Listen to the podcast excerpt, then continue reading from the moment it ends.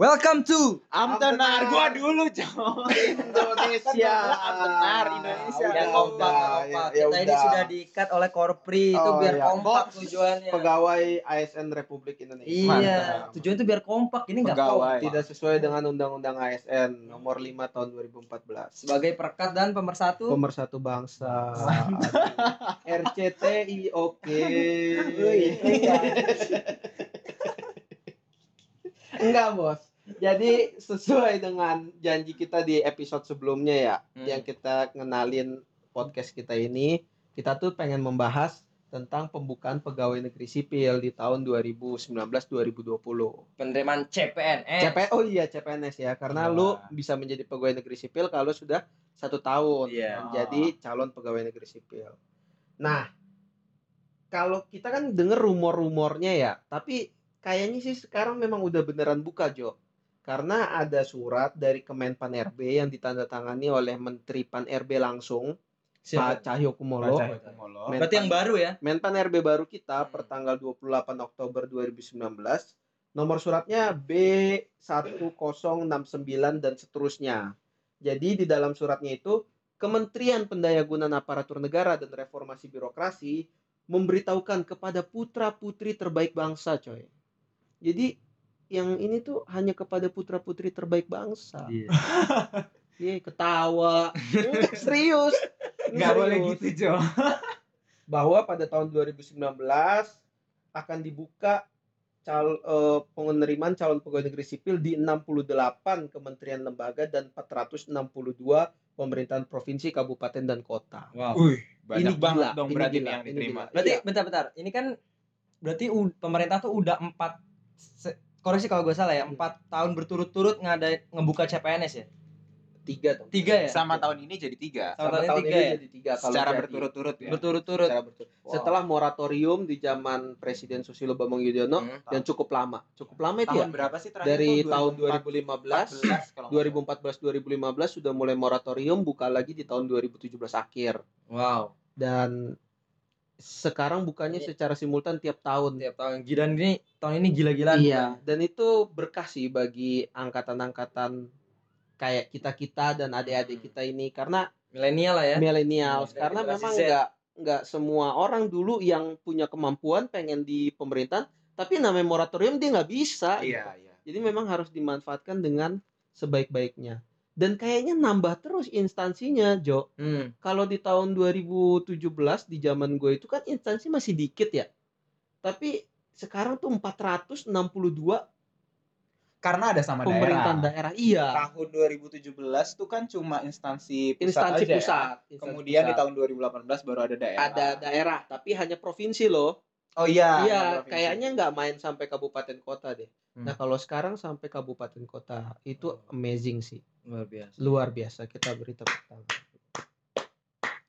Nah tapi itu jadi tantangan sih kalau menurut gue ya. Iya, iya, iya. Bagaimana pemerintah bisa mendapatkan putra putri terbaik bangsa tuh emang bener-bener terbaik gitu.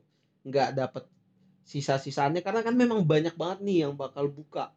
Iya. Kalau dulu kan ke ya apa ya kompetisinya tuh bener-bener bersaing gitu gitu. emang sekarang enggak ya dengan semakin banyaknya KL dan pemerintah daerah yang buka sih menurut gua ya kompetensinya kompetisinya tidak seperti yang sebelum sebelum sebelumnya. Nah ini juga kita sekalian mau bagi tips buat kalian karena instansinya kan banyak banget ya, banyak banyak banyak banget. Nah ini bukan tips tapi mungkin apa ya sharing kali ya pengalaman kita waktu itu ya. iya dan sama kayak tahun-tahun sebelumnya pelamar tuh hanya bisa mendaftar di satu instansi dan satu Dan satu formasi formasi. jadi ketika lu udah mengklik satu formasi A di instansi A Ya udah itu aja. ya itu nasib lu bergantung di situ lu nggak bisa berharap ah, Ada nanti- pilihan kedua, iya ada, pilihan, kedua ketiga, atau gimana bisa kayak gitu. Gitu. Kalau SNMPTN kan bisa, bisa dua jurusan bisa tuh. nggak keterima Ah. di pertama ya keterima di bisa keterima di Ah. kedua Kalau ini satu bisa formasi aja. ya Oke. kalau menurut gue sih itu akan sangat menggalaukan ya iya Karena- tapi bisa jadi ini bisa jadi sisi positifnya ya emang satu-satunya pilihan yang memang menurut dia paling cocok dan prioritas utama dia memang pengen daftar di situ Betul, jadi dia bisa betul. total Nah, betul sih Strateginya apa nih biar bisa biar nggak salah pilih instansi biar keterima juga tuh gimana Kalau gue sih, kalau gue ya secara pribadi setelah gue menjalani pegawai negeri sipil ini hampir 2 tahun, gue sih menurut gue ketika lu mau memilih instansi maupun mau memilih formasi, itu benar-benar atas dasar kemauan lu. Karena ketika kemarin moratorium dicabut di tahun 2017, orang tuh kayak ter- terhentak gitu loh. Anjir, PNS buka dan orang tuh berlomba-lomba tapi dia nggak tahu formasi yang dia ambil tuh sebenarnya ngapain gitu. Hmm, Yang contohnya penting yang penting dia bisa gitu kan sarjana hukum, bisa jadi misalnya orga analis organisasi buka formasinya, ya udah ikut diikut aja. aja jadi analis tanpa perlu organisasi tahu gitu. apa sebenarnya Kerjaan nantinya, analis gitu ya. organisasi gitu. Ketika dia masuk sebagai formasi itu dia Benar, bingung benar, gitu, benar. ini mana sih hukumnya gitu ya Oh. Ya ya itu emang salah lu kali gitu kan. Kan ada orang yang berpikir udahlah yang penting gue jadi PNS dulu gitu. Kalau urusan kerjaan mah nanti gitu. Tapi kayaknya zaman zaman sekarang kayaknya nggak gitu lagi. Iya. Karena memang udah bener-bener rigid formasi lu tuh apa Sesuai udah tahu. keahlian. iya sesuai keahlian. Apalagi kan Pak Presiden di dalam pidatonya ketika dilantik kan ngomong ya kalau seandainya nanti ke depannya yang namanya PNS itu adalah jabatan fungsional berdasarkan keahlian. berdasarkan keahlian. Jadi struktural tuh bakal dikit gitu. Mungkin kalau sekarang siapa aja bisa jadi kasubag apa gitu ya. Kalau kasubagnya hilang ya harus berdasarkan keahlian Betul. kan. Betul, betul. Gitu. Nah, jadi apa nih? Misalnya eh, pengalaman dari kalian saat itu waktu milih instansi sebenarnya apa aja sih yang dipertimbangin? kalau gue mungkin dari persyaratan ya Hmm. itu hal yang paling mudah itu dilihat kalau persyaratannya ribet di uh, waktu yang ditentukan gitu untuk diupload menurut gua tinggalin aja ribet Oh, itu itu Agung. Gitu iya ya. menurut gua persyaratan. gitu Tapi Pertama. itu tapi itu naif gak sih Jo? Maksud ya gua terserah itu balik lagi ke kalian iya gitu. iya iya sih iya. Tapi menurut gua lu ngelihat sesuatu yang eh mudah ya udah gua ambil gitu ya tanpa tapi tetap lihat lagi kalau misalkan yang uh, buka misalnya mudah nih tapi jadi yang tadi lu bilang nggak sesuai sama passion lu ya udah tinggalin. Cuma kan nih pasti dari sekian banyak uh, KL pasti ada lah yang persyaratannya mudah terus ada disesuai sama uh, apa kemampuan kalian kalian kalian sarjana kalian gitu ya. Hmm. Tapi mungkin teman-teman yang pendengar juga mesti tahu ya yang dimaksud persyaratan mudah itu karena memang pada saat di 2017 dan 2018 persyaratan tuh beda-beda Iya, tiap kementerian. iya, Jadi instansi beda-beda. contohnya apa ya? Misalnya di BKN tuh mewajibkan calon Oh, pegawai negeri Misalnya sipilnya ada TOEFL. TOEFL, ya. minimal berapa? ah di kementerian lain nggak ada. biasanya nih kan yang nggak da- yang daftar CPNS itu tidak semuanya fresh graduate. Misalnya Iya. emang job seeker kayak gitu dia emang mencari-cari masih cari-cari pekerjaan tapi ada juga emang orang yang udah kerja bertahun-tahun di swasta tapi dengan adanya pembukaan CPNS ini mereka pengen daftar. Nah tapi mereka nggak ada waktu biasanya kayak gitu. Inline dengan apa yang disampaikan sama Agung kayak ya yang nggak ribet lah. Tapi balik lagi sebenarnya eh kalau misalnya kita mau pilih instansi mana selain persyaratan juga memang kita harus riset dulu nih itu instansi apa terus formasi formasi yang kita daftar itu sesuai nggak sama minat kita jangan betul sampai betul. jangan sampai ketika kita udah masuk ya emang sih eh, tadi yang udah dibilang Fadel backgroundnya hu- hukum tapi kan nggak semuanya sarjana hukum itu nanti ketika mendaftar di analis apa itu ngerjainnya juga masalah hukum gitu nggak- nggak sedangkan ketika gitu. lu udah masuk di formasi itu atau lu memutuskan diri lu untuk menjadi abdi negara itu sampai pensiun coy. nah itu pensiun lu tuh umur 58 gitu loh. Hmm. Jadi kayak waduh, lu harus bener-bener deh berpikir secara matang matang, berpikir secara holistik, nggak cuman kemauan lu untuk membanggakan orang tua yang penting gue jadi PNS nah iya atau yang penting gue dapat pekerjaan atau yang penting gue hidup tenang gitu. ya nggak gitu juga lah karena ya cukup menyakitkan sih ketika lu tahu. iya. selain persyaratan kalau tips dari gua adalah yang kedua itu eh lembaganya sih Hmm. kan dari sekian banyak Kementeriannya, KL, kementeriannya ya, KL-nya, lembaganya. pemerintah daerahnya Hmm, gitu. itu sangat menentukan juga ya jangan sampai misalnya lo di lembaga yang nggak jelas gitu Nggak jelas tuh maksudnya Eh, gimana? Gak jelas, gak jelas. Ah, Nggak ada jelas, tendensius nih Iya menurut gua tendensius. Enggak, saudara harus mempertanggungjawabkan apa yang saudara ucapkan supaya Iya, pendengar tahu apa Enggak, yang dimaksud lembaga yang tidak jelas. Iya, coba. Iya, kayak banyak kan tuh. Aduh, kena deh gue. Enggak, mungkin maksudnya lembaga yang akhirnya dia nggak tahu latar belakang lembaga itu kayak gimana. Maksudnya memang eh, akhirnya juga jadi abu-abu gitu ketika dia masuk ini sebenarnya ngerjain apa sih? Gitu. Iya, jadi maksud gue begini loh. Yang penting harus lu pahami adalah eh kalau pemerintah daerah sih menurut gua nggak masalah ya karena tinggal lu daerahnya aja Iya. yang mau di mana ya. Mungkin itu udah jelas reason lu apa karena mau dekat dengan orang tua, suami lu di mana, lu harus di situ, istri lu di mana, lu harus di situ.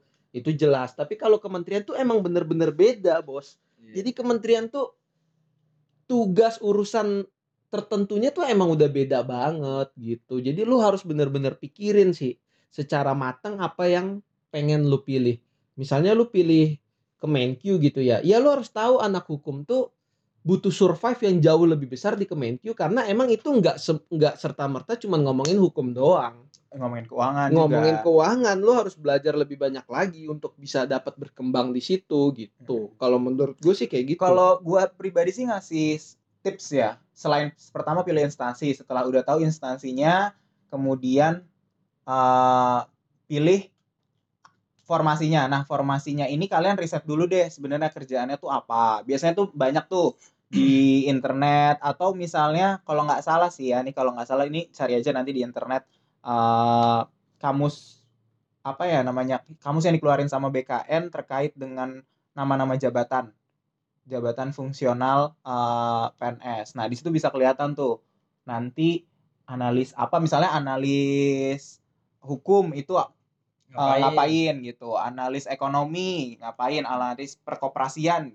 ngapain kayak Hmm. gitu. Itu nanti ada. Itu tips eh, dari gua sih. Jadi kalian benar-benar nanti akan tahu sebenarnya apa sih tugasnya analis ini gitu. Benar-benar dan supaya teman-teman yang mendengar nih ketika mau memilih jadi terkonstruksi berpikirnya ya, menurut gua lihat dulu passion lo apa. Ya, sebelum passion jurusan lo itu pastilah jurusan lo, latar belakang lo sehingga Kompatibel gak sama formasi iya sama formasi dulu lah sama Formasi. formasi dulu karena banyak formasi yang ada yang formasi yang sama di kementerian kementerian yang berbeda tuh banyak misalnya kayak analis hukum tuh di kementerian Oh, setiap kementerian Iya, tuh pasti ada gitu itu. Tapi analis hukum di Kementerian Hukum dan HAM dengan analis hukum di Kementerian Koperasi dan UKM tuh pasti beda bobotnya gitu kan. Pasti beda pembicaranya dan itu lu, lu pada harus berpikir gitu tentang apa sih yang harus gue kerjain gitu. Yang pertama tuh lihat jurusan, yang kedua passion lu. Ya kalau lu nggak minat ngomongin hukum dagang ya lu nggak usah ke Kementerian Perdagangan lah. Gitu loh. Kalau misalnya minatnya lebih ke hukum apa misalnya kepegawaian, Iya. ya ke BKN, ke gitu. BKN, ke Kemenpan ya gitu. atau ke lembaga administrasi negara sebagai Nah. pengkaji gitu kan. Kalau lu emang yakin banget minat lu di pemberdayaan perempuan dan perlindungan anak ya lu tunjukin loh kalau lu Hmm. emang bisa menjadi analis di sana gitu. Jangan serta-merta ah enggak ah enggak ada enggak keren gitu. Jadi gue pengennya di tempat yang lain aja gitu ya. Jangan juga gitu. Kalau menurut gua gitu. Gitu ya. Oke. Nah, yang selanjutnya itu juga kementerian. Kayak misalnya nih, lu lihat, wah gila Kementerian Keuangan buka 13.000 atau berapa sih Kementerian Keuangan tuh buka untuk tahun ini kan ada tuh ya di selebaran yang di share-share gitulah. Ya kalian udah pasti dapat lah. Itu belum tentu di pusat semua gitu Iya, loh. benar. Jadi jangan sampai nanti ketika lu pengumuman Anda ditempatkan namanya. di Kanwil Kabupaten Banggai misalnya. Iya, terus lu shock gitu. Kabupaten. Wah ini pasti ada permainan ini yang ditempatkan di Jakarta. Ya Iya. nggak gitu juga lah gitu ya. Lu harus terima konsekuensinya dan lu harus baca itu. Nah, Dan gue yakin di Kumham tuh udah dijelasin loh. Kalau nggak salah di pengumuman-pengumuman yang Kumham itu ada kanwil butuh berapa, pusat butuh berapa, tempat lain butuh berapa, instansi unit organisasinya butuh berapa. Itu harus bener-bener kalian baca. Dan mudah sebenarnya untuk baca tentang formasi analis organisasi itu ngapain sih? Formasi hukum tuh analis hukum tuh ngapain sih? Formasi perancang tuh ngapain sih? Itu ada di Kemenpan RB, kalian buka aja di websitenya Kemenpan, lalu masuk di jdih.kemenpan.go.id atau klik aja lah JDIH Kemenpan. Kalian cari di situ keywordnya kayak fungsional apa yang sedang kalian teliti nih. Misalnya, gue kayaknya minat jadi fungsional perancang atau gue kayaknya minat jadi perencana di Bapenas. Atau di tempat lain kan juga ada tuh fungsional perencana. Ya kalian search aja fungsional. Nanti kalian tahu deh apa aja kerjaannya, ngapain di unit apa, bagaimana perkembangan karirnya kalian bisa itu penting banget sebelum kalian akhirnya memutuskan oke gue milih ini gitu. Yang lain tidur apa gimana? Ngomong Iya. dong. Iya, ngomong. Jangan.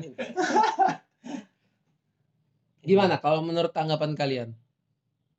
Iya iya itu itu intinya lo jangan pilih lembaga yang gak jelas deh. Itu penting tuh. Enggak, kalau menurut gua lu harus jelasin Jo, Iya. lembaga yang gak jelas lembaga apa, gak karena jelas itu apa menurut gua lu tendensius, Nggak ada sesuatu yang gitu. lu mau ceritain, Nggak. apa kita bikin episode khusus tentang lembaga-lembaga yang tidak jelas ya kan? Karena kan KL ini kan banyak ya dan tersebar gitu. Jadi kalian harus berhati-hati juga milih juga KL-KL yang ya yang membuat eh, kalian sebagai pribadi berkembang kira-kira bisa di mana. Iya. Eh tapi ada satu lagi sebenarnya banyak sih. Mungkin orang yang eh, selain tadi ada syarat eh, daftar, terus kemudian penempatan ya kan, penempatan nanti ketika bekerja sebagai PNS. Tapi mungkin juga ada orang yang dia ngeliat pertama berapa sih dapat gajinya? Nah, itu penting tuh. Berdasarkan Ya karena kan katanya tiap instansi tuh beda-beda kan. Nah, kalau itu tapi perlu gua klarifikasi terlebih dahulu ya. Kalau gaji di mana pun Iya, iya. PNS itu sama. ya tunjangan Tunjangannya berbeda. kinerjanya yang berbeda. Nah, Karena itu, itu kamu pilih Pemda DKI. Iya. Pemprov, Pemprov. Pemprov. DKI. Jangan yang lain. Nah itu dia ada tuh eh, apa teman gue yang ya kita harus riset dulu dapat berapa nanti kita di sana ya oh, itu nggak bisa, apa ya itu bisa. ya nggak salah juga kan Betul, gitu betul, nggak salah juga kalau misalnya salah satu pertimbangan kalian memilih instansi itu juga dari segi pendapatan Iya, dan itu kita bisa kasih keyword juga. Kalian bisa buka di jdih.setnek.go.id. Kalian masuk ke situ jdih.setnek.go.id dan kalian cari keywordnya tunjangan kementerian apa yang kalian mau. Kalian bisa tahu tunjangannya berapa, perubahannya berapa. Dan kalau staff itu rata-rata di grade-nya berapa? Di grade 15 sampai 17 ya. Ya, gua. kalau apa Kalau staff ya, kalau analis pertama ya. itu mah di grade 7 atau 8 Eh, astagfirullah. Ya, sorry sorry sorry. Itu di grade di grade 7 ya. Atau Jadi 8. di grade 6, 7, 8 lah kira-kira itu nggak jauh beda tuh tunjangannya. Itu yang akan kalian dapatkan selain gaji, uang makan dan lain-lain. Nah, lain-lainnya ini yang kadang menjadi masalah. Karena di setiap kementerian, di setiap unit organisasinya pun beda-beda. iya Itu makanya di awal gue bilang pilih yang jelas. Nah, maksudnya gitu. Jadi kalian itu enggak itu enggak salah loh. Itu Iya, salah loh. iya. Iya, lu lu boleh mencari Boleh. hal-hal kayak gitu lo boleh gitu. Nah, kalau menurut gue sih itu dulu sih yang harus lu cari iya formasi. Terus kalau lu emang mau cari tunjangan berapa ya silahkan dan kita udah kasih keywordnya. Tapi pesan gue adalah jadilah diri lu sendiri. Wih. Iya, karena kalau nggak kayak gitu, Uh, gila lu lu 30 tahun makan hati anjir mau lu. Gue sih enggak, gue mau Gua makan sih sama- rendang. sama sama ampela lah. Ya, pokoknya sampai ketemu di episode selanjutnya yang akan membahas tetap tentang penerimaan CPNS. Ya, Iya, masih ada sesi nanti kita bicarain tentang penerimaan CPNS Ya, seru- topik yang berbeda. Seru lah ya antara Indonesia. Haha. Bye bye.